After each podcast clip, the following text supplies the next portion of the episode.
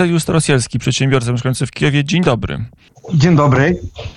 Cześć, nie wiem, czy to dobre przywitanie dzisiaj w Kijowie. Halo. E, Mer Kijowa, Witalij Kliczko, zapowiedział ewakuację. Jak to ma wyglądać? Jak w ogóle toczy się życie codziennie w, co, codzienne w Kijowie i czy faktycznie ewakuacja to już jest w tej, w tej chwili najlepsze, najlepsza decyzja dla ludności cywilnej stolicy Ukrainy? W ogóle wydaje się, że to była e, powiedzmy przedwczesna taka e, informacja albo może jakaś pomyłka, nie? E, Dlatego, że Przede wszystkim nie ma możliwości ewakuować tyle ludzi, to raz. Druga rzecz, sytuacja jeszcze nie aż tak zagrażająca, żeby ludzi ewakuować, nie? Wiadomo, że tak jak było na początku, w pierwszych miesiącach wojny, nie? Że, albo w pierwszych tygodniach bardziej wojny, nie? Że ludzie y, sami wyjeżdżali, po prostu ludzie w stanie się zorganizować i wyjeżdżać. Dlaczego właśnie się rzuca takie hasła? Trudno powiedzieć, prawda? Moż, możliwe, ja, ja, pod, ja jakby to tra- traktuję jak pomyłka jakaś, nie? Bo, bo urzędnicy też ludzie i oni mogą po prostu y, świadomie albo nieświadomie robić pomyłki, nie? Y, y, rzeczywiście sytuacja w Kijowie jest trudna pod kątem prądu. I brak elektryczności. Oczywiście niektóre y, rejony nie mają też y, dostarczania wody, ale y, minimalnie, nie? Od razu próbują sytuację naprawić. I z prądem jednak sytuacja się ciągnie. W niektórych rejonach odłączają, nie wiadomo kiedy odłączą. Na przykład nasze biuro się odłącza bez, no, non-stop i dlatego nie możemy prowadzić działalność gospodarczą, nie?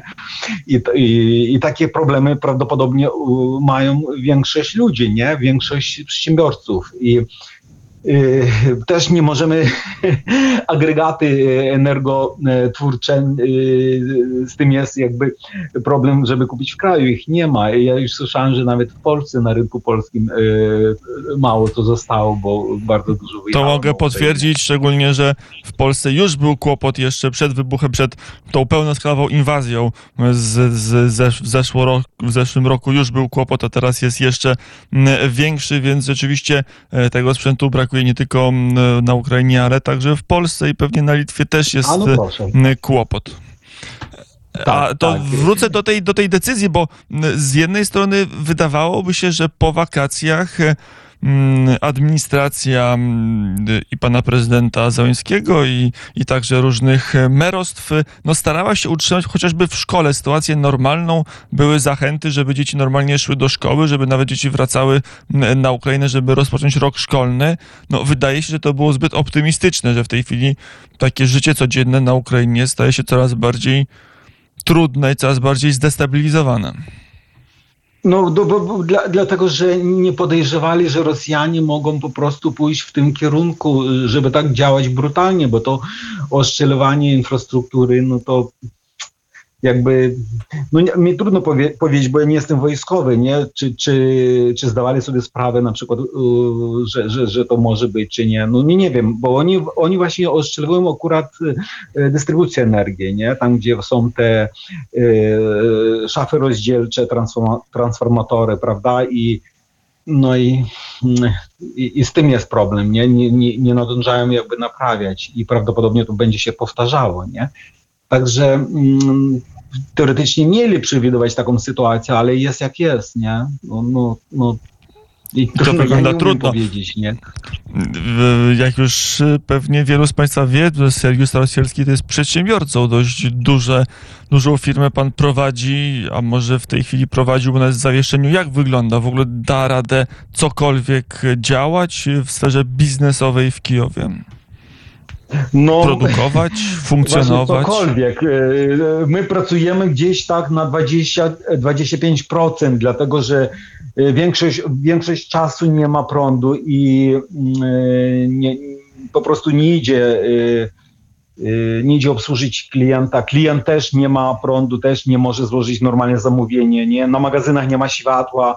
Ja mam magazyny y, 12 metrów wysokości, nie? Y, nie pracuje technika, nie? żeby po prostu te pod, y, różne podnośniki, nie? Żeby, żeby, żeby można było normalnie funkcjonować. Także y, że, że problem, to jest problem. Nie? Na, na, no, jakie rozwią- rozwiązanie? No, y, my szukamy teraz y, agregator, y, y, który tam energię y, stanie y, produkować, nie? I żeby, żeby ewentualnie zasilać jakby prądem przez takie agregatory, nie? Nie znaleźliśmy jeszcze, ale w stanie poszukujemy, poszukujemy, czyli szukamy za granicą, poza granicami Polski też. No, o, oprócz tego ludzie sobie radzą. W ogóle nie słyszę, żeby ludzie na przykład tam narzekali, że o, nie ma światła, nie ma wody. Takiego nie słyszę, nie? No, na przykład pracownicy u nas mieszkają w różnych dzielnicach Kijowa. No, no to no, ludzie rozumieją, że jest problem, prawda? I jakoś sobie dostosowują się do tego. Najgor, najgorzej, że nie można prowadzić działalności, tak? Bo to, bo to, bo to chodzi też o zarobienie pieniędzy, z tym, żeby utrzymać... I normalne funkcjonowanie. Firmy.